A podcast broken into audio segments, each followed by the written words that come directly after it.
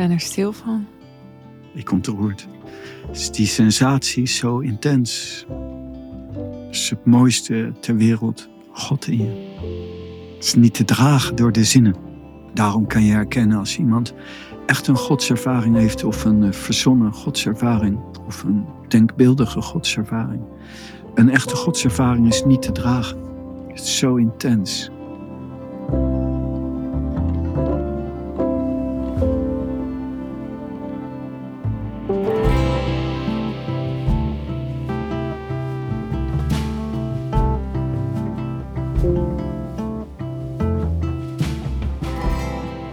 Pranay en ik deze aflevering afronden, zei ik tegen hem: En nu mag ik hier weer een titel voor verzinnen. Dat wordt wel echt steeds lastiger. Dit was een aflevering. Dit gaat een aflevering zijn, want jij mag hem nog gaan luisteren. Die je op een bepaalde manier in twee delen zou kunnen splitsen.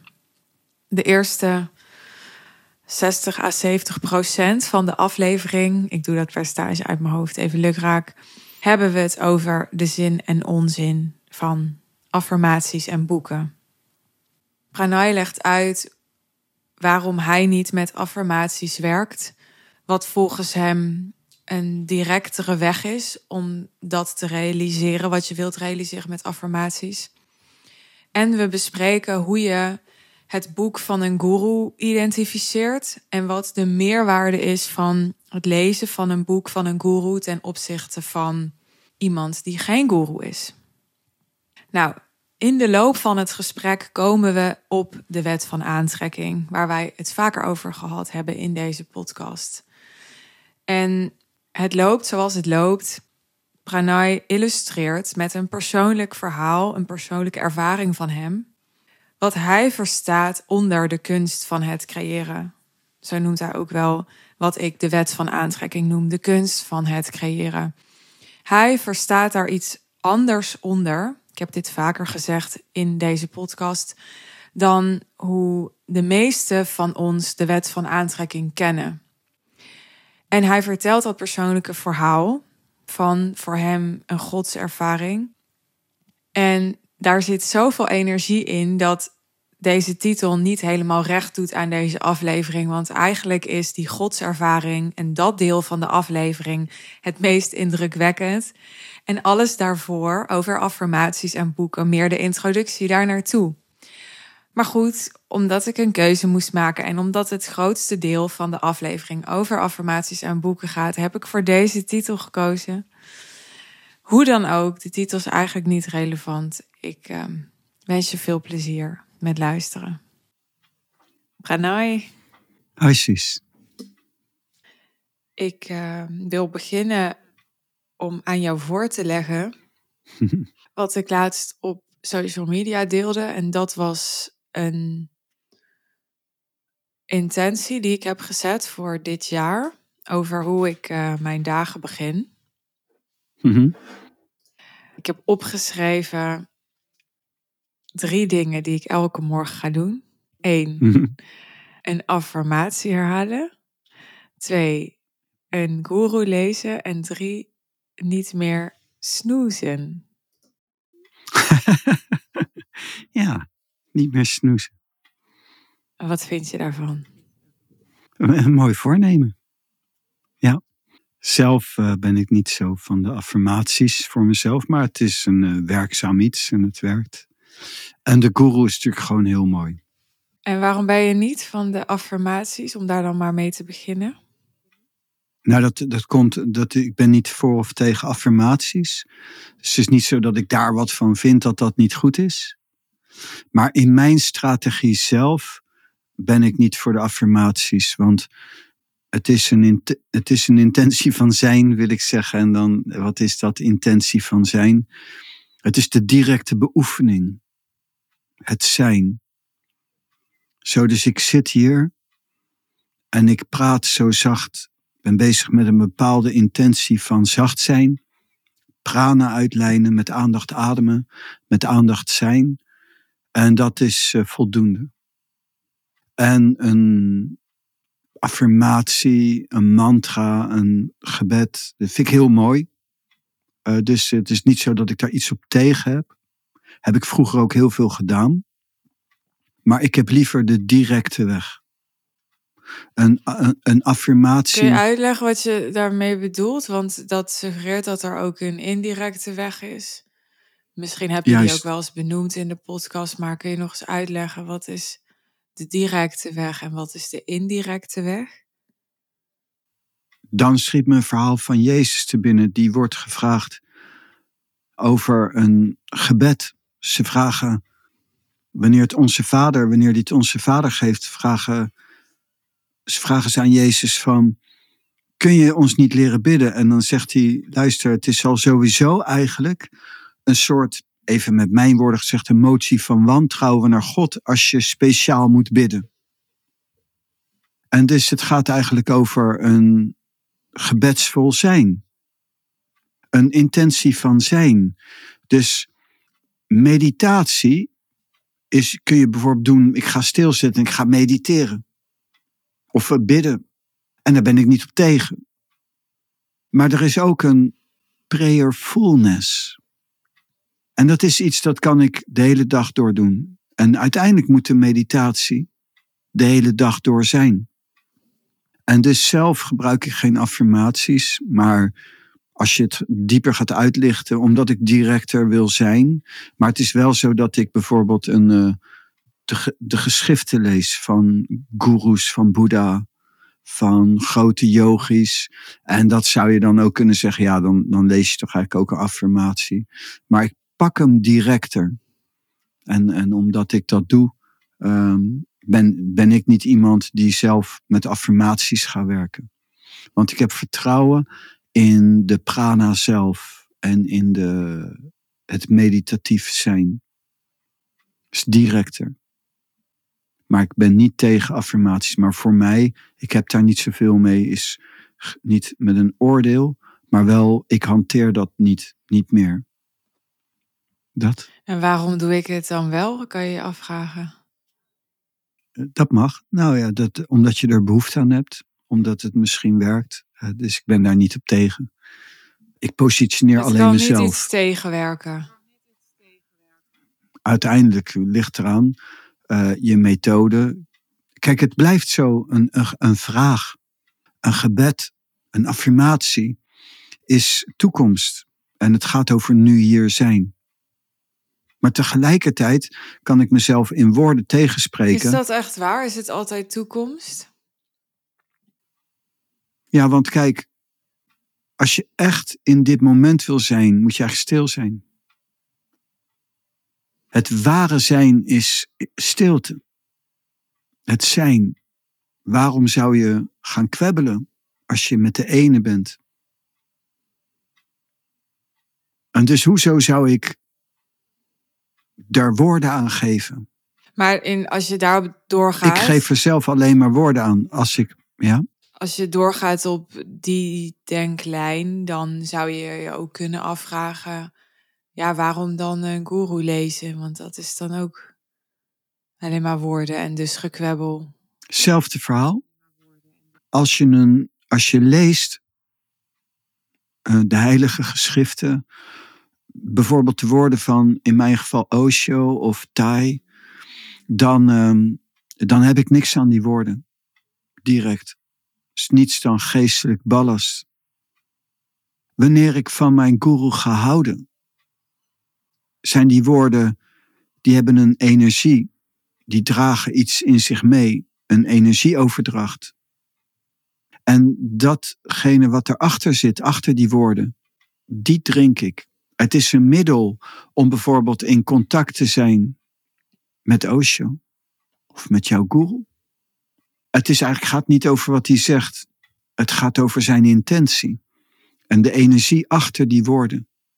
En je dan daardoor te laten voeden, zodat je meer van die intentie krijgt. Ja, je drinkt hem. Dat is het verhaal wat Jezus ook zegt. Drink mij. Eet mij. De, het, de hostie. En dat noemen ze ook communio. Om in een communie te gaan geraken met Jezus. Om mij te gedenken, zegt hij. is heel mooi, maar het gaat verder dan gedenken. Het is ook daadwerkelijk gemeenschap hebben, communio, ter communie gaan. Het is dieper dan te gedenken. En zo kan je ook met een affirmatie werken. Dus dat zullen dan mensen die daar zeggen: ja, maar dat is ook de bedoeling van een affirmatie. Dus ik ben niet tegen een affirmatie. Het is niet mijn methode. Ik hou hem van directer. Maar als ik uh, ook Osho, ik, ik ben gek van Osho. Als ik Osho lees, dan lees ik en dan, en dan raak ik extatisch door die energie. En, en dat is het. En, en wat hij zegt, maar hij, en ik ook, als als je die woorden serieus gaat nemen, dan spreekt hij zich weer tegen en dan komt er weer wat anders. En, en het zit hem niet in die woorden, maar het zit wel in de woorden als je de woorden niet serieus neemt. Maar je moet ze ook wel serieus nemen, maar op een andere manier. Het gaat verwijst naar een diepere dimensie. En dat kan ook met affirmaties, maar dat is niet zoals ik werk. Oké, en dan de tweede, dus een guru lezen.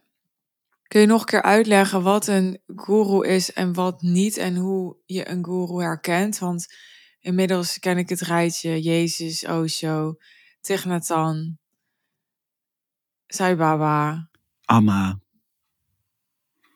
Ja. Ik ken er nog meer, maar Krishnamurti, Swami. geloof ik. Ja, Krishnamurti, Swami Kopala Krishna. Ja. Minder bekende dan voor de wereld, maar... Dit is zo een rijtje. Maar er zullen er ook nog heel veel meer zijn die we nu niet hebben genoemd. Of, of is dat niet zo? Ja. ja, dat is absoluut. Ja, dus hoe herken ik het boek van een guru als, ja, als gewone burger, om maar even zo te zeggen? Nou, als gewone burger moeilijk. Dan wil ik zeggen, aan de vrucht herkent men de boom. Wat ik wel ook kan zeggen, wat is een guru? Um, iedereen heeft het maar over guru zijn. Zelfs mensen die zeggen, ja, maar ik ben de guru uh, van uh, een, een, marktsegment of zo. Maar dat is onzin. Uh, een, een, een onderdeel van guru zijn is dat die ontwaakt is. Het is echt iemand die is tot verlichting gekomen, ontwaakt. Als je niet een, een ont, ja, ontwaakt bewustzijn hebt, dan kun je ook niet zeggen: Ik ben een guru. Dus dat is een eigenschap. En het verschil zit hem erin: aan de vrucht herkent men de boom. Mensen zijn ba vaak bang voor secteleiders, maar het is heel gemakkelijk. Als je ontspant en je, je neemt de tijd om je te oriënteren, dan zul je ontdekken dat een, uh, iemand die fout met je voor heeft, dat de vruchten ook fout zijn. En dus een, um, de totaliteit van jouw zijnstoestand wordt dan minder. En je gaat je dus minder gelukkig voelen. En als je je steeds minder gelukkig gaat voelen, moet je weg. Ook al zou die guru wel waar zijn, misschien is het geen match. Ja, ik wou zeggen, het kan niet zo zijn dat je je minder gelukkig gaat voelen bij een guru. Ja. Kan ook, denk ik, toch? Dat kan, maar toch moet je het voelen. Um, dus ik had het ook heel zwaar. De eerste jaren had ik het heel zwaar. Ja, daarom ging ik daar even op door. Want ik denk, ja, mensen hebben ook weerstand. En voor je het weet, interpreteer je dat als niet gelukkig zijn. Je wilskracht moet groter zijn. Maar je moet dus wel je onderscheidingsvermogen gebruiken. Het was zwaar, maar mijn bewustzijn verruimde zich. Dus ik, het was zwaar, maar ik raakte ook verruimd. En dat is het verschil. En na een aantal jaren was ik los en was ik daar doorheen. En had ik het ook zwaar, nog steeds zijn bardo's kunnen en, en transformaties, zijn mensen die hebben weerstand als je bardo gebruikt voor transformatie. Maar bardo is een, um, een overgang van uh, ene bewustzijnstoestand naar een ander. En heel veel, heel veel yogis lezen uh, Bardo Todol, het Tibetaans dodenboek, omdat het sterven is gelijk energetisch aan transformeren. Er zit geen verschil tussen. Je sterft terwijl je leeft. En daarom gebruik ik het woord bardo. Natuurlijk weet ik dat bardo oorspronkelijk vanuit het stugge uiterlijk alleen gebruikt wordt voor het sterven. Maar ik sterf terwijl ik leef. En het is intern precies hetzelfde, nog zwaarder, omdat je bewuster bent. Sterven is best wel makkelijk, want je valt gewoon uit. Ehm, maar bewust sterven is moeilijk, veel confronterender. Het is dus voor een gewone burger lastig een guru te identificeren. Op het begin wel even. Maar, maar het is wel zo als je het En eenmaal... hoe word je gevorderd dan? Want je zegt op het begin, maar wanneer ben je geen beginner meer? Wanneer je het ziet. Je kunt het herkennen. Ja, het is mooi dat je het zegt, want ehm, kwam laatst iemand tegen online en die stuurde ik door naar jou. Hm. Iemand die zich profileerde als monnik. En eh, toen zei ik Ah, ja. later, hè, je weet wat ik bedoel, toch? Ja, ja. En toen, eh, nou ja, jij gaf je mening daarover. Ik weet niet Mhm. of je die wil delen in de podcast. Nou ja, het is gewoon niet een, een, een het is niet gewoon, eh, in mijn ogen is het een aanfluiting, spiritueel gezien. Dan, dus iemand die helemaal niet verlicht is, maar zich wel voordoet als een verlicht, dat zie je zo vaak. Ja, dat vind ik een aanfluiting, een, een, een, eh, een schande naar de Dharma en naar God. Eh, wel vanuit onwetendheid vaak, maar ook vaak gewoon puur ego. En eh, de, de, als je gaat kijken naar de, de dingen die je eigenlijk eigen moet hebben gemaakt, eer dat jij jezelf een guru kan noemen. Ik haal het niet in mijn hoofd om mezelf een guru te noemen. Ik ben een simpele beoefenaar. En dat, Nee, maar ik geloof ook niet dat die persoon zich nou guru noemde, maar eh, profileerde zich eh, als monnik. Ja, dat kan toch? Dus het is niet heel moeilijk om monnik te zijn, of zeg ik iets raars? Ja, dat is heel moeilijk. Eh, je, je- het is heel makkelijk om te zeggen dat je een monnik bent. Maar het is heel moeilijk om daarin te leven. Ook Ja, de ook monniken in de ja. in de kloosters, die zijn, die, die, ik ben zoveel, ik kom zoveel, ik ben zoveel in kloosters geweest en kom ik nog steeds en spreek ik met heel veel monniken, nonnen. En zo vaak heb ik ook te horen gekregen van eh, die beoefenaars van, ja, wat is eigenlijk een monnik zijn? Het is, het is, ik ben ook nog steeds dagelijks bezig met me te beoefenen in mijn monnik zijn en me te verdiepen in mijn monnik zijn. En er zijn ook mensen die doen dat niet serieus, maar die trekken een monnikgewaad aan. Die zeggen zo, ik ben monnik. En dan gaan ze voor mensen zitten, ik ben monnik. Eh, maar dan is de beoefening lauw, heel lauw. Ja, en dan vind ik het een aanfluiting. En dat zal ik niet, ik zal dat niet, eh, we noemen niet zijn namen zo. Ik heb geen behoefte aan om iemand eh, eh, de grond in te boren of zo. Maar even, wij zijn met elkaar bezig om de touwen te verdiepen. Ik ga er ook niet om liegen. Nee. Er zijn veel flutleraren. Nou, ik haalde het voorbeeld aan om aan te geven dat, ik, dat mij opviel dat ik het dus zelf zag. Terwijl ik Ja, het in het begin ook niet zag. ja, ja, precies. Maar dat is nog, dan kijk ik naar zo'n persoon en dan herken ik die intentie. En ik Ja. geloof meteen dat dat nog veel verfijnder kan, maar ik, ik merk dat ja, je veel, gaat het al zien. ja, veel fijngevoelig word voor die intentie. Maar ik kan me voorstellen dat als ik in een boekwinkel loop en ik kom een boek tegen, dat ik dan nog niet de kwaliteit van die schrijver zo uit de energie van dat boek kan halen, even zonder dat ik woorden lees. Begrijp je wat ik bedoel? Ja, ja, ja dat, dat is, dan ligt de lat wat hoger. Maar het is makkelijk. Als je het boek mooi, vindt, mooi vindt, kun je het kopen. Kun je het lezen. En dan lees je het. En op het begin kan het heel mooi zijn. En daarna komt er een diepere reactie vrij. En dat wil niet zeggen. Je, je kunt nog niet beoordelen op die reactie of het goed of slecht is, maar wel of jij ermee verder wil of niet. Het moet ook een matchen. Het moet een match zijn. Ja, nou, ik heb bijvoorbeeld eh, veel boeken gelezen over eh, de wet van aantrekking. Eh, onder andere van Abraham Hicks heb ik, nou, volgens mij bijna alle boeken wel Heel veel gelezen. genoemd. Ja. Ja. maar dat is geen guru, toch? Dus, dus er, Nee, is ik bedoel te zeggen, de meeste mensen zijn geen guru. En dan is het alsnog wel interessant misschien om zo'n boek te lezen. Maar dan heeft het dus niet... Oh ja, ja, dat is iets anders. Ja, het heel veel boeken zijn interessant. Ja. Maar dan heeft het dus niet die transformerende kracht. Zelfs kan dat wel. Grappigerwijs kun je technisch met een, een, uh, een, een nepleraar zelf wel verlichting bereiken. Dat, dat kan. Uh, dat heeft ook met die resonanties uh, te maken. Maar ik zou het je niet aanraden. Dus, um, dus je kunt alle boeken lezen. ook. Ja, en, en dus dan, je kunt alles lezen wat je wilt. En dat kan je inspireren en dat is goed. Kan goed zijn. Maar heb je het echt over transformeren op het lezen op de zuivere vorm? Dan zou ik je sterk adviseren een verlichte meester te nemen. Of een heilig geschrift. De Bijbel, een Koran, een uh, Gita. Uh, dat zijn heilige geschriften en absoluut in staat om je te bevrijden. En nou uh, is in, in mijn bubbel een cursus in wonderen best wel bekend. Ja, ik ken de naam. Het is geen heilige schrift, toch? Mm -mm. Ik, ken, ik, heb, ik heb het boek niet gelezen. maar dat kunnen hele mooie boeken zijn die je heel erg kunnen helpen. Dus ik, ik, ga daar nu, ik, kan, ik heb daar niet gelezen.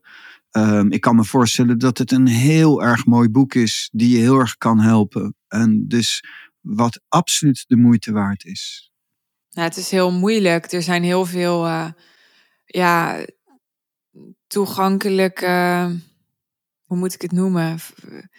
Bijvoorbeeld Willem Glaudemans heeft geschreven een ingang tot een cursus in wonderen of zo. Omdat het boek zelf lezen is echt... Uh, ja, dat doe je niet per se voor je ontspanning of zo. Nou, dat klinkt goed al. Dat is beter dan dat het uh, zo. Uh, want als de gemiddelde geest het zomaar kan lezen, dan was het niet zo bijzonder. Nee. En dus een, cursus in wonderen. Ik ken het boek niet. Ik ken de, naam natuurlijk wel, maar ik heb het nooit gelezen. Maar ik weet wel dat heel veel mensen daar heel enthousiast over zijn. En dus ik kan, er geen, ik kan er geen orde over vellen, maar ik wil wel zeggen dat zo'n boek ongetwijfeld heel goed kan zijn en je enorm kan begeleiden. Maar dan hebben we dus een werkboek. Dan hebben we dus iets wat uh, refereert. Er is ook een werkboek van. Je hebt ook een werkboek van een cursus in wonderen. ja, grappig. Ja. En, en dus ik weet, niet, ik weet niet waar het over gaat. Gaat het over Jezus? Is het christelijk of is het een andere nee, traditie? volgens mij niet. Nee, het is... Uh, ja, dat is een goede vraag. Eh, ik ken het als een. Dat juist heel veel dingen, toen ik in de spiritualiteit kwam, daarmee in aanraking kwam, toen hoorde ik continu verschillende mensen verwijzen naar een cursus in wonderen als een soort bron, als een soort bijbel, maar dan niet christelijk, maar ja, bijbel van de spiritualiteit. Maar dus dat was heel lang in mijn beleving soort van de holy grail. Ik zal het eens uh, doorbladeren. Uh, je hebt het, hè? Ik heb het, ja. Als ik een keertje bij je ben, dan zal ik eens een keertje doorbladeren. Ik ben wel benieuwd eigenlijk dan wat. Ik heb geen idee. Ik ken de naam, maar ik heb geen idee. Maar dat is dus ook opmerkelijk dat voor mij dat zo prominent is. Jij zo diep in de spiritualiteit zit. Maar je heel veel dingen, dat is mij vaker opgevallen, heel veel dingen die mensen als spiritueel zien, die ken jij niet. Nee. En waar heeft dat dan weer mee te maken? Eenpuntige gerichtheid. Oh ja. Ik, um, ik ben al iemand die zich heel breed heeft uh, georiënteerd, moet ik wel zeggen. Maar ik ben zo blij, al zo lang, zoveel jaren, met Osho. Ik ben zo blij, en dat is al heel erg baanbrekend, met ook Thai. Het is voor mij echt zen, taal, met de Taoïstische geschriften. Ja, en als je daarmee bezig bent, dan heb je je handen vol. En, en daar, ja, dat is zo van. heb ik boeddhistische geschriften wel ook, omdat ik veel met boeddhisme ben bezig geweest. En bijvoorbeeld Thai ook boeddhist is. En Osho is eigenlijk ook een boeddha. En dus uh, dat, dat vind ik mooi. En ik heb de Dalai Lama wel eens gezien en, en zo. En dus dat ben ik dan mee bezig. En dat vind ik mooi. En dat is gewoon ook gewoon resonerend met mij. Maar ik heb wel vroeger de Gita gelezen. Ik heb de Bijbel wel helemaal gelezen. Uh, zo is het niet. Maar Um, maar daarbuitenom, ja, ik, het klinkt heel mooi hoor, cursus in wonderen. Dus ik heb daar geen weerstand op of ben daar niet op tegen. Maar ik, ik, heb, ik heb alles wat ik nodig heb. En ik ben helemaal blij. En ik heb nog zoveel daarin te verdiepen. En je kunt geen twee kuilen graven. Dus ik ben daar gewoon mee bezig en het werkt en het functioneert en mijn hart zit daar. Dus zen, Tao zen, Tao zen tantra is voor mij één, één kop. En dat is al best wel complex. Ja. Dus dan ga ik ook niet, eh, ja, mijn dagen zijn te kort. Maar dit kan natuurlijk ook andersom zijn, dat iemand hier naar luistert en, nou ja, ik noem maar wat, dus heel erg uh, in uh, zit. Noem jij mhm. dat dan een nepleraar? Of? Nee, dat zou ik geen nepleraar noemen. Ik heb geen idee. Ik heb dat niet gelezen. Net maar... noemde je de term nepleraar. Dus... Ja, maar niet bij X. Nee. Uh, nee, want dat is een medium wat je als hebt gezegd. Ik, ik ken het niet. Dus ja, weet je, dan zou ik het echt moeten bekijken. En dan zou ik daar mijn mening over kunnen geven. Maar ik zou zeker niet betitelen dat dat een nepleraar is nee. op voorhand. Zeker niet. Nee, ik heb ook geen reden om aan te nemen dat dat uh, zo is. Nee. Maar er zijn veel mensen die, die, die doen zich voor als zijnde guru en, en die hebben dan een leer. En, en dat is, uh, dat is oké trouwens, maar ja, puur technisch gezien zijn zij geen guru en noem ik dat dan een nepleraar. Maar ze kunnen natuurlijk enorme goede voorgangers zijn, heel goede inspiratiebronnen zijn, die heel mooi kunnen verwoorden en heel erg kunnen helpen en zo. Maar het echte pure transformeren zou ik je absoluut aanraden op basis van echt een verlichte of een echt heilige schrift. Bijvoorbeeld zoals in de Bijbel. Maar hoe kijk je dan, ja, we dwalen een beetje af, maar hoe kijk je dan naar jezelf daarin? Want jij zegt, uh, ja, je moet mij niet zien als guru, hè? En uh, Osho is de guru, of Jezus, of wie dan ook. Ja. En wij zijn een groep begonnen, mensen komen bij ons in de groep. Uh, daarin, ja, zijn wij de voorgangers. Ik zeg wij. Zie mij gewoon als iemand en als met veel kennis en heel veel ervaring. Nou ja, ik zou dus eigenlijk willen vragen: ben jij dan ook de nepleraar? Snap je? Wat is wanneer? hoe, hoe zit dat dan? Het moment dat ik voor ga zitten, als zijnde degene die het weet en zegt dat je mij kunt volgen, ben ik een nepleraar. Het moment dat ik opdrachten aan mensen ga geven, ben ik een nepleraar. En ik ben een inspirator. Ik ben iemand die heeft heel veel ervaring, dus ik kan je weg versnellen. Ik zie veel. Ik heb veel. Ik heb heel veel ervaring in de geneeswijze, dus ik kan je heel snel begeleiden. Maar, maar het moment dat je echt zegt, ik wil in God opgaan, kan, kan ik niet zeggen, volg mij. Ik kan je begeleiden. Uh, door vanuit mijn ervaringen. Maar het moment dat je zegt van ja, maar op wie moet ik me richten? Op dat punt kun je, me, kun je niet op mij richten en verlichting bereiken. Dan moet je je richten op God. Dan moet je je richten op een Boeddha. En ik ben gewoon iemand die beoefent. En je kunt mee beoefenen. En ik kan je helpen. Maar ik ben niet de nieuwe Boeddha. Die het wel weet ik deel mijn ervaringen en ik deel mijn kennis. En ik heb veel kennis omdat ik er al heel lang mee bezig ben, heel veel. En daar kan je heel veel profijt van hebben. Maar het is niet uh, alleen kennis, dat, want je zegt zelf realisatie, uh, geestelijk ballast. Het, ik zit ook natuurlijk zoveel uren met jou vanwege de, de prana en de, de transformatieve werking die dat heeft, los van woorden en kennis. En dat, is, ook wat mensen in de groep ook krijgen. Ja, klopt. Het is de energieoverdracht, ook bij ja, dus mensen vragen soms aan mij, ja, wat, wat doe je dan in die groep? En dan denk ik, ja, kunnen we heel lang over praten, maar als je het kort wil, dan krijg je gewoon prana.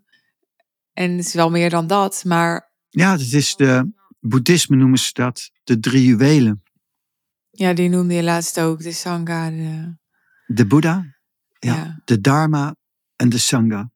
De Boeddha, dat is de leer van Boeddha, natuurlijk, Boeddha zelf. En de Dharma is de wet, de leer. En de Sangha is de samenkomst. En er is een uh, nieuwe vorm van uh, Boeddha zijn. Je kunt uh, bij een Boeddha zijn als je bij een Boeddha bent. Je kunt ook bij een Boeddha zijn als je beoefent.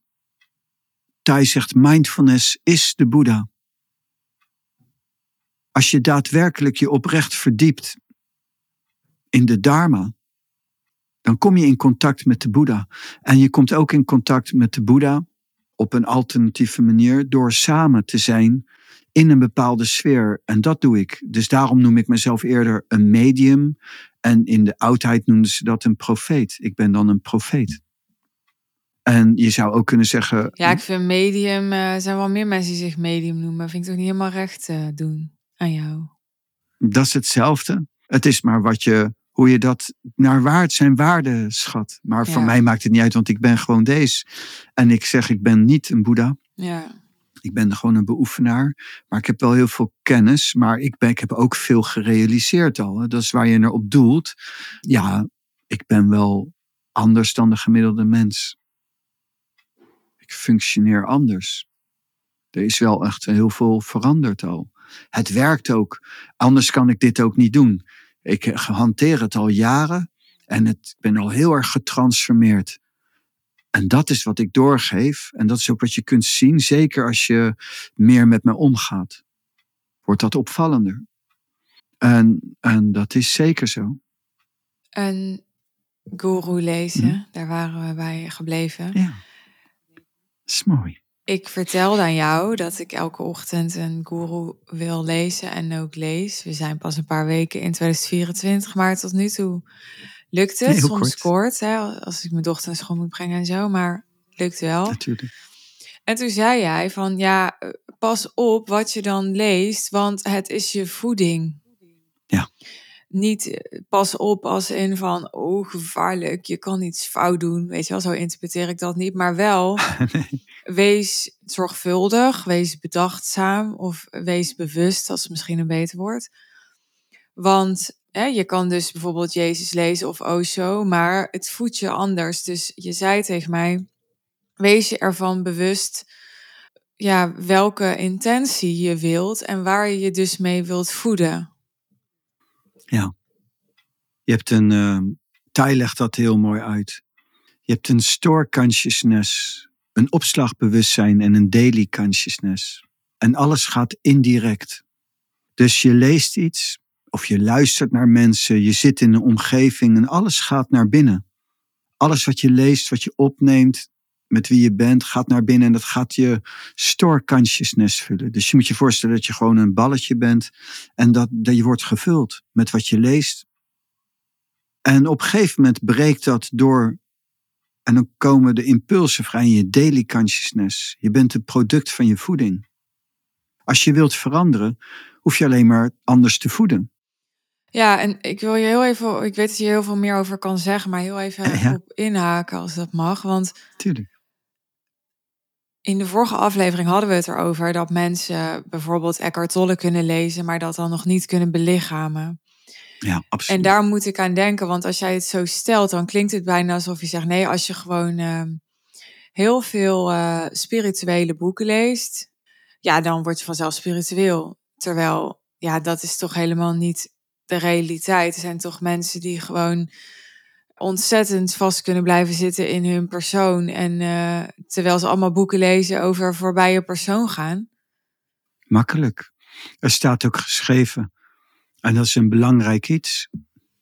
Jezus zegt het zo: degene die van mij houdt en zich houdt aan mijn geboden. Dus je kunt de Dharma lezen, de wet lezen. Maar als je echt van uh, God houdt, dan uitzicht dat in dat je het ook doet. En alleen als je het ook doet, gaat het werken. En het is niet zo dat je daarin perfect moet zijn, want we zijn niet perfect. Maar het is wel zo dat je kunt beoefenen. Bijvoorbeeld in mindfulness. Ik zit hier en ik zit te ademen. En ik lijn uit. En ik, ik, ben, ik doe een bepaalde manier introspectie. Ik hou mijn lichaam vast. Kun je bewust zijn van je buik, ook nu de hele dag. En dat beoefen ik altijd. Altijd. En dat gaat soms iets beter dan een ander moment. Iets soms wat beter, soms wat minder goed. maar ik beoefen het altijd.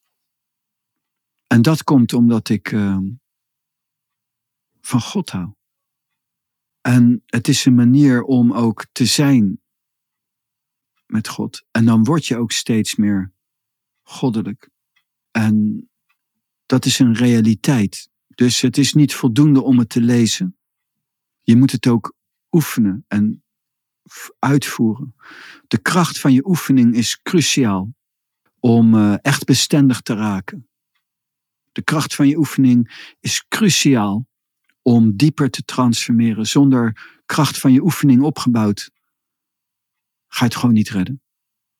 Uh, en dan blijft het. Maar terug uh, naar dat verhaal over store consciousness. Naast beoefenen kan het dus wel degelijk helpen om ook te lezen. Enorm.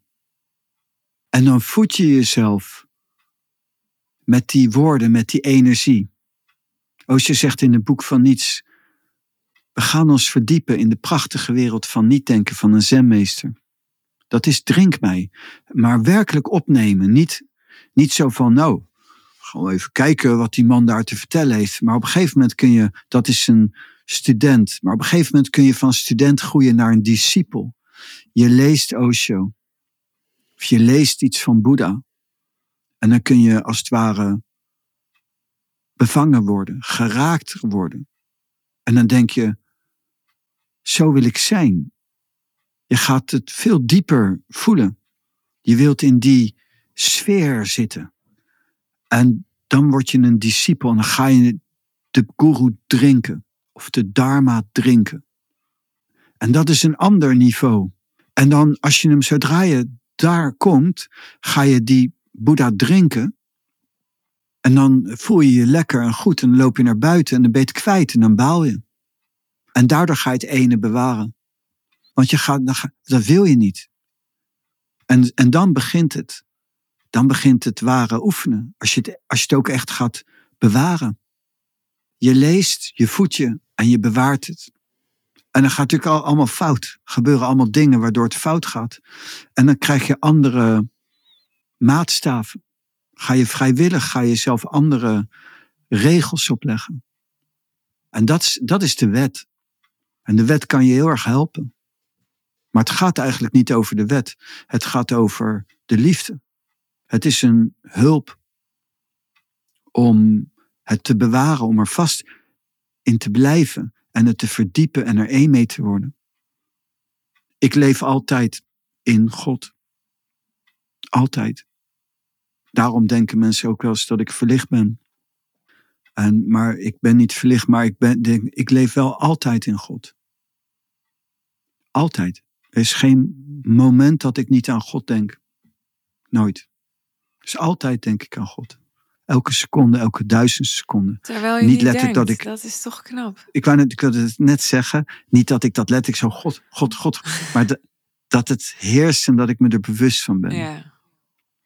Anders is het zo vermoeiend. En dat gebeurt ook met jou al, Suus. Inderdaad, wat je al zei. Dat is wel leuk dat je dat ook begint te onderscheiden. Omdat je daarin zit, in die energie. En dan verander je zelf ook. En dat is ook wat we doen met de groep. Dan raak je door de, als je de podcasten luistert en je, en, en, en je wilt dieper in contact komen, dan kom je ook in actie, in live met ons in contact. En dat is sterk. En dat transformeert. Maar ik ben geen guru. Als je echt geraakt raakt, dan vind je je eigen weg. De een die gaat de Bijbel lezen. Wij zijn geen nieuwe religie. Ik ben wel een Taoïst, een, een beoefenaar van Tao. Waarom eigenlijk niet? Waarom kunnen, kunnen wij niet onze, nieuw, onze eigen nieuwe religie starten? We starten wel een nieuwe beweging. En wat is het verschil? Ik ben niet de nieuwe Jezus. Ik ben niet de nieuwe Boeddha. Ik predik niet een nieuwe leer. Ik predik Boeddha's leer. En ik heb niet de hoogmoed of het idee dat ik dat kan verbeteren. Of... Maar je vertelde wel nog laatst aan mij dat jij mm-hmm. je helemaal hebt toegelegd op een stroming die heel uitzonderlijk is. Ik stam van een Taoïstische stroming af die uh, in de wereld niet zo bekend is. Heel weinig gezien wordt. Ja. heel weinig eh, zichtbaar is. Het is een stroming die de mensheid in het algemeen niet kent. Want wel veel mensen kennen Lao Tse, Lao Tzu, Lao, Tao Te Ching. Maar daarbinnen... Ja, ze, ze kennen het boek. ja, ja. Mhm. Ja, daarbinnen in de taal heb je dus verschillende stromingen inderdaad. Ja. En ook de, bijvoorbeeld wat ik zei, de Zen Shiatsu waar ik vandaan kom. Als je Zen Shiatsu googelt, dan vind je niet wat ik heb gedaan en wat ik doe. Dan vind je iets anders. En, Ja, ik heb daar best wel een eeuwen beetje- geleden Ja. was er een tak die beoefende een bepaalde manier shiatsu op een bepaalde achtergrond, met een bepaalde strategie. En dat noemden ze yin-yang shiatsu of Tao shiatsu, Zen shiatsu. En dat is die oude tak wat ik beoefen.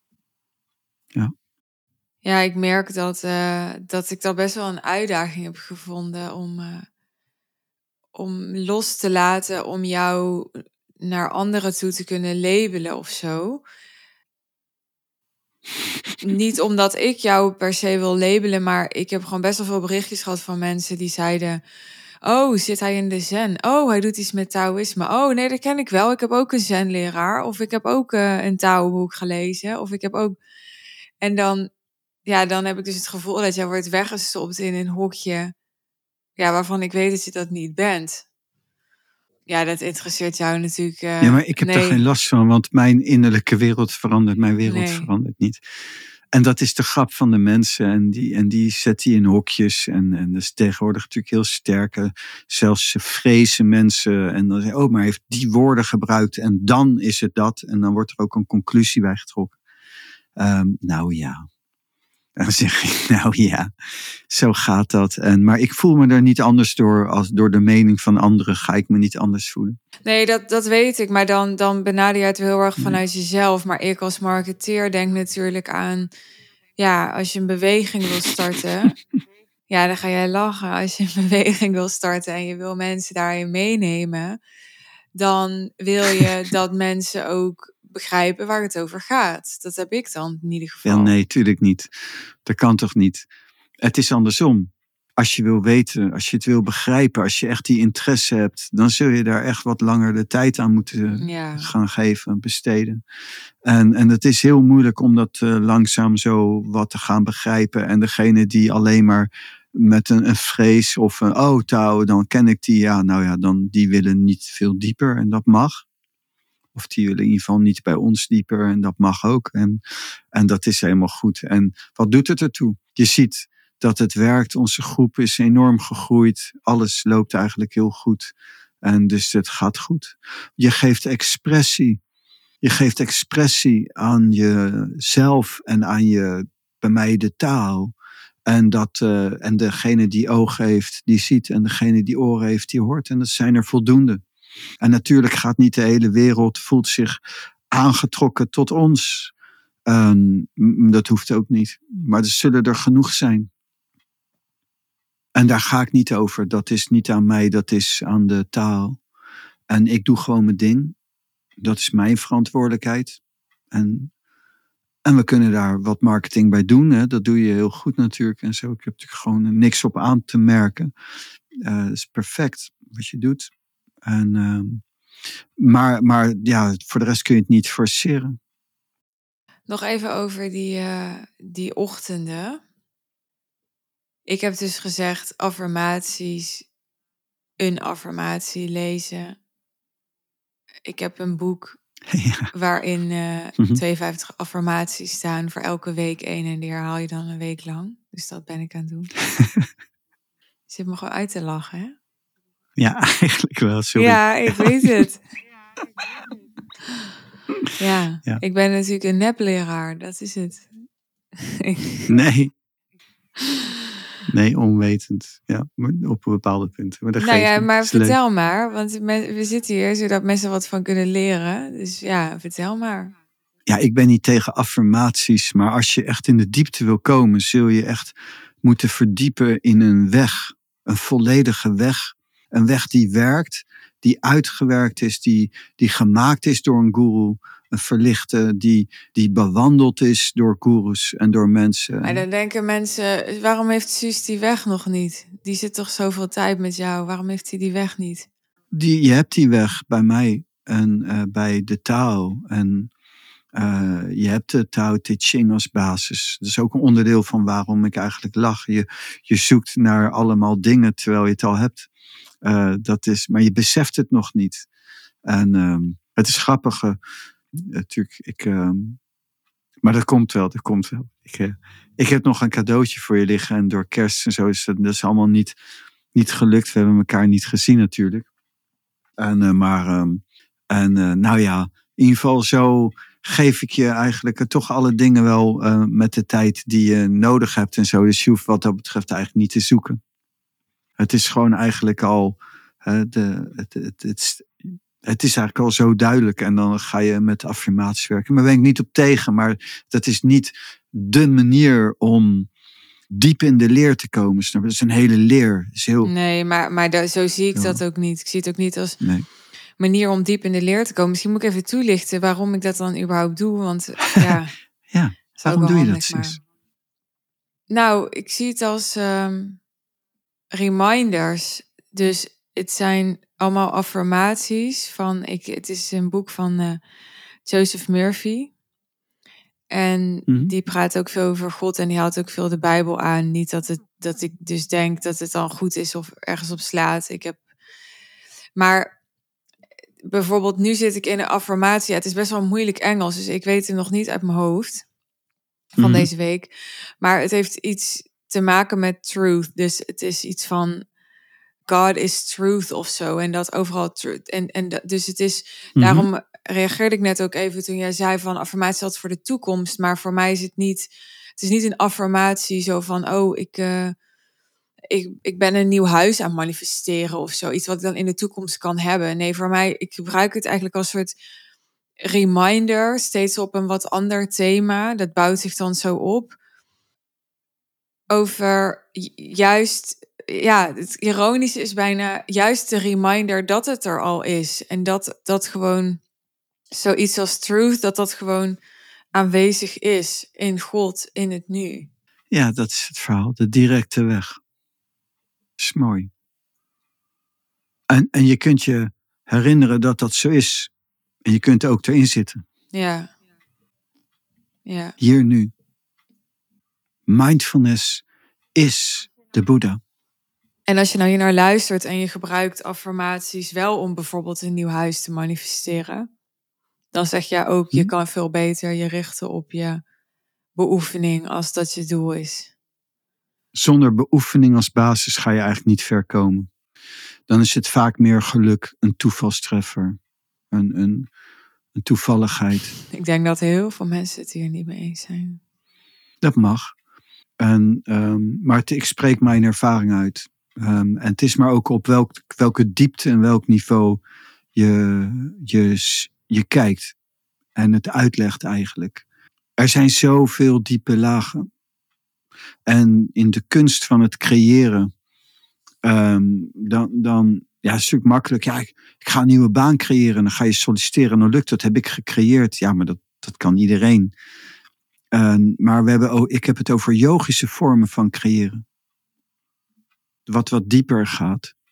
En, en dan heb je wel ook wat nee, meer nodig. Nee, maar goed, het voorbeeld wat jij nu aanhaalt dat is natuurlijk een beetje een flauw voorbeeld, maar het is wel wat anders als jij bijvoorbeeld, ik zeg maar wel twee jaar in, in de ziektewet hebt gezeten en wat je wil manifesteren is een eigen bedrijf. En um, waar je, nou laat ik het concreet maken, waar je uh, drie keer zoveel mee verdient als met je uitkering in de, in de eerste maand. Hè? Gewoon even om mee te beginnen. Ik noem maar wat. Ik verzin het ter plekke. Mm En dat er dan, dat er dan twee jaar lang niks is gekomen. En dan ga je dus bezig met de wet van aantrekking. En dan komen er opeens twee mensen bijvoorbeeld naar jou toe die jouw klant willen worden. Weet je, dat zijn natuurlijk andere dingen dan ja, ik wil een baan, ik ga solliciteren, ik krijg die baan. Ja, oké, je had hem misschien ook niet kunnen krijgen, maar dus er zijn natuurlijk mensen met de wet van aantrekking bezig die dan ervaren hey, er, er zijn echt dingen naar mij toegekomen die heel onlogisch waren voor mij dat ze zouden gebeuren. En, en dan voelt het voor mensen alsof ze dat hebben Hm. aangetrokken. Ja, dat is mooi. En dat, daar zit een waarheid in, dus dat is mooi. Daar ben ik niet op tegen. Dat is mooi. Maar dat kan veel gekker. Dat kan veel dieper. Dat kan nog veel intenser. Dat kan nog veel gedetailleerder. Dat kan nog veel meer. Ik zou je zeggen, komende jaren gaat deze maatschappij om van een consumptiemaatschappij naar een spirituele maatschappij. En dat is ook eh, creëren. Ik heb gezien een eh, verlichte, ik zal zijn naam niet noemen uit respect. Jaren geleden stond hij in, eh, in Lourdes. En toen zei hij van, het is genoeg geweest, ik ga de kerk zuiveren. En daarop volgend in de jaren kwamen al die schandalen van de kerk naar voren. Maar die persoon die zei, ik ga de kerk zuiveren. En toen kwamen al die schandalen wereldwijd meer naar voren aan het licht. En dat zei hij net voordat dat ging gebeuren. Dat noem ik creëren. Er zijn zoveel vormen van creëren. Ik heb zo vaak in India, zo vaak Baba lingams zien materialiseren. Dus gewoon letterlijk uit het niets voorwerpen uit zijn hand zien komen. Vibhuti, een soort heilig as.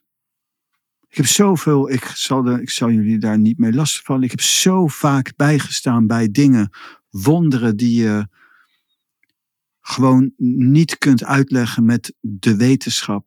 Ik denk dat mensen denken lastigval, lastigvallen. Dit is juist eh, sensationeel. Ja, maar wordt ook vaak snel als zweverig gezien. Maar ik zou je vertellen dat er zoveel... Nou, ik kreeg een keer inderdaad een reactie van iemand. Want je hebt één keer eerder bij hierover begonnen in de podcast. Mhm. En toen reageerde iemand aan mij van ja, ik geloof, ik geloof dat niet wat hij allemaal zegt, omdat hij niet wil zeggen wie dat was en wanneer dat was en waar dat was. En hij wilde allemaal dingen niet over zeggen. Ja, als het waar gebeurd is, hoef je er toch niet zo geheimzinnig over te doen. Ik zou je één gedetailleerd voorbeeld geven als je wil horen. Ik wel, ja. Swami, Swami Gopala Krishna in India, Bangalore.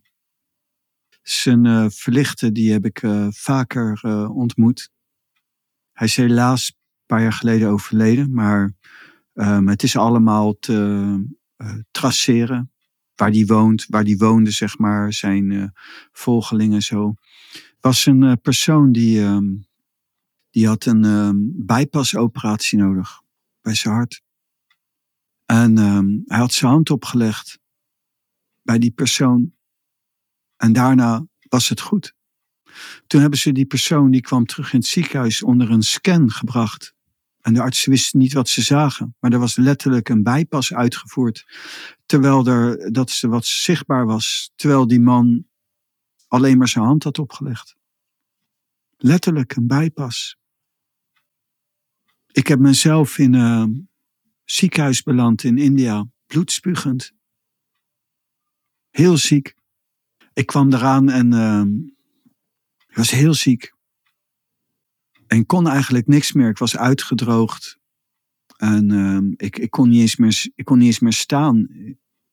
En dus de artsen zagen me en ik lag voor de operatiekamer. Maar ik kon, ik kon niet meer zitten. Maar ze, ze moesten dat klaarmaken. Het was als acuut. En ehm, ik had heel veel last van mijn buik. En ik weet nog dat, ehm, dat ik op de grond lag en dat ik bekijk zat, omdat eh, mijn tante was erbij. En ehm, niemand wist wat ik had, maar ik had het al een paar dagen en het was steeds, slechter geworden en ik spuugde bloed. En ik wist, ehm, ik wist niet wat ik had, maar de artsen die zagen me en die schrokken zich wild en die gingen me gelijk, eh, wilden ze me opereren. Ze dachten aan een acute buik of zo. Ik lag op de grond en ik eh, dacht bij mezelf, dit is eigenlijk raar. Ik ben heel mijn leven al genezer. Ik heb niet eens één poging gedaan om mezelf te behandelen. En dus ik lag op de grond en ik was echt heel ziek. Ik kon echt niks. En ik spuugde bloed en, het was echt, het was niet zo goed, zeg maar. Ik, weet, ik wist niet wat ik had, maar. En ik, ik ging naar me innerlijk sterker en ik ging eh, de prana aanzetten. En toen ontstond er een, een energetische bal in de hoek van die ruimte waar ik was. En ik herkende die bal als Jezus. Een vormloze vorm van Jezus. Maar ik wist dat Jezus dat was. En die bal kwam naar me toe. En ik dacht, uh, nu ga ik dood. Jezus komt me halen. Maar uh, in ieder geval op dat moment was ik absoluut niet bang voor de dood. En, um, en dus ik verwelkomde Jezus vol uh, vreugde. En ook, uh, ik, ik voelde alleen maar heel mooi. En die energiebal die kwam in mij. En toen raakte ik uh, buiten bewustzijn. En ik weet niet hoe lang. En toen zweefde ik boven mijn lichaam. En toen um, duurde een tijdje. En toen ging ik weer in mijn lichaam en ik kwam bij. En ik was helemaal genezen. Ik was zo ziek. Ik was zo uitgeput. Maar ik was helemaal fit. Dus ik, ik werd terug wakker in mijn lichaam en ik stond op. Ik dacht, ik zeg tegen mijn tante. Ik zeg, uh, het is oké. Het is goed. Ik was ook weer fit, dus ik kon gewoon, alsof er niks gebeurd was, uh, kon ik gewoon verder lopen. Maar toen kwamen ze, artsen kwamen net de, de, de, de, uit de operatiekamer en die zeiden, nee, nee, nee, nee, nee. Jij was zo ziek, wij laten jou niet gaan. Dus ze hebben me helemaal gescand en, en alles bekeken en me helemaal, gewoon helemaal door de mangel gehaald, zeg maar. Alles en, uh, en ze waren bezig, maar ze konden niks vinden. En, uh, en ik zeg tegen die zuster van, uh, wat denk je daar nou van? Ik kom dood, doodziek binnen. Ik lig op de grond, ik kan niet eens meer zitten. En opeens ben ik helemaal genezen. Toen zei ze, ze keek me aan en ze zei, dat is God. Wat ik je nooit zou kunnen vertellen. Wat er gebeurt intern. Het is echt de hemel. Intern als Jezus in je komt. Zo intens, mooi. Het is één van mijn heel vele, heel veel ervaringen in mijn leven. En dat kun je creëren. Dat noem ik creëren. Ben er stil van? Ik ontroerd. Dus die sensatie is zo intens is het mooiste ter wereld, God in je. Het is niet te dragen door de zinnen. Daarom kan je herkennen als iemand echt een godservaring heeft of een eh, verzonnen godservaring of een denkbeeldige godservaring. Een echte godservaring is niet te dragen. Het is zo intens. Ja. ja, bijzonder. Ja, zit ik dan met mijn snoezen? maar er zijn dus mogelijkheden om ook in contact te zijn met God. En dat te komen, ik, het is niet zo dat um, iedereen kan contact hebben met God, iedereen.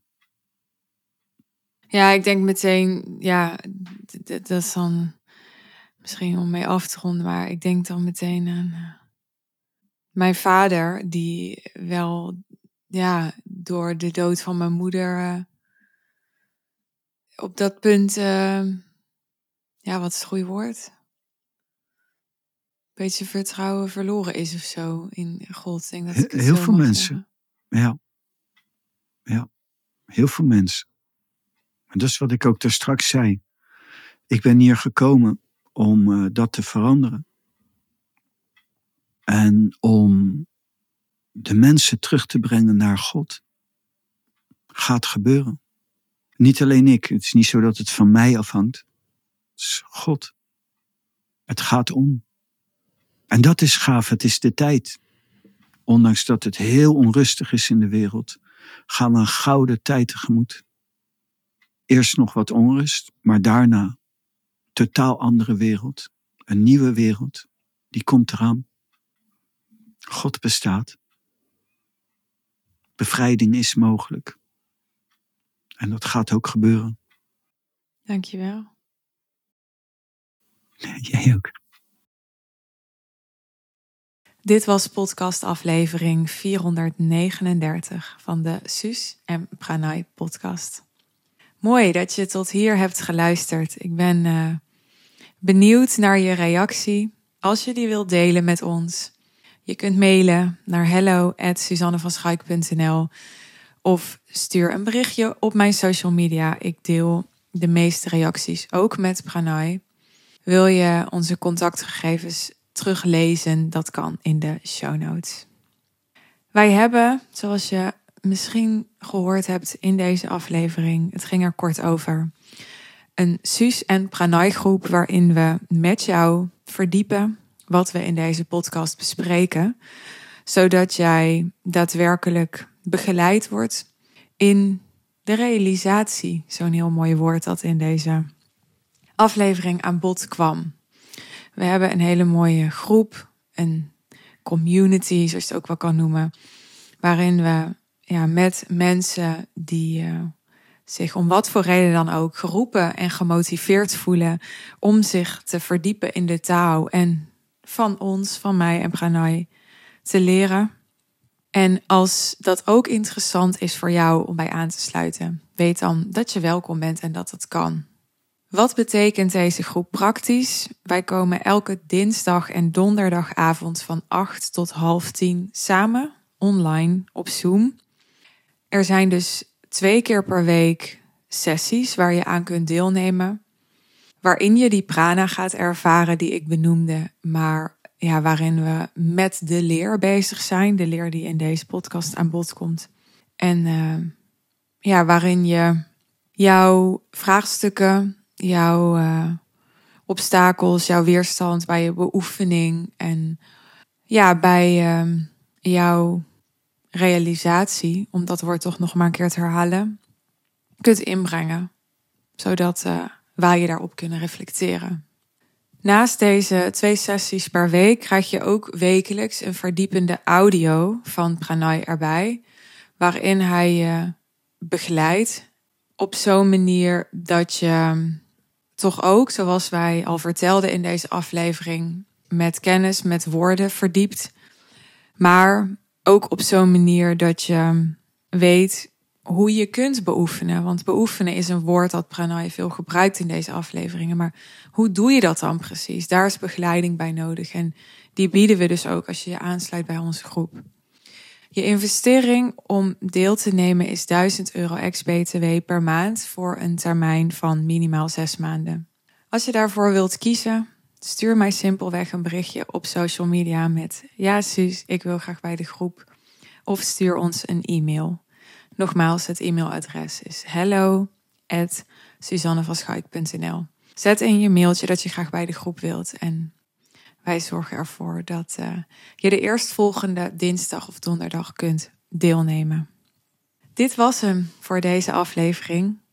Wil je op de hoogte blijven van nieuwe afleveringen? Dat gebeurt als je abonnee bent in iTunes of volger wordt in Spotify, welke podcast-app je dan ook maar gebruikt. Wil je ons supporten in het verspreiden van deze content als je hem kunt waarderen? Dan is het te gek als je deze aflevering wilt delen in jouw netwerk, op jouw social media kanalen bijvoorbeeld. En als je onze podcast 5 sterren wilt geven in iTunes of in Spotify. Dank je wel daarvoor. Tot de volgende. Bye bye.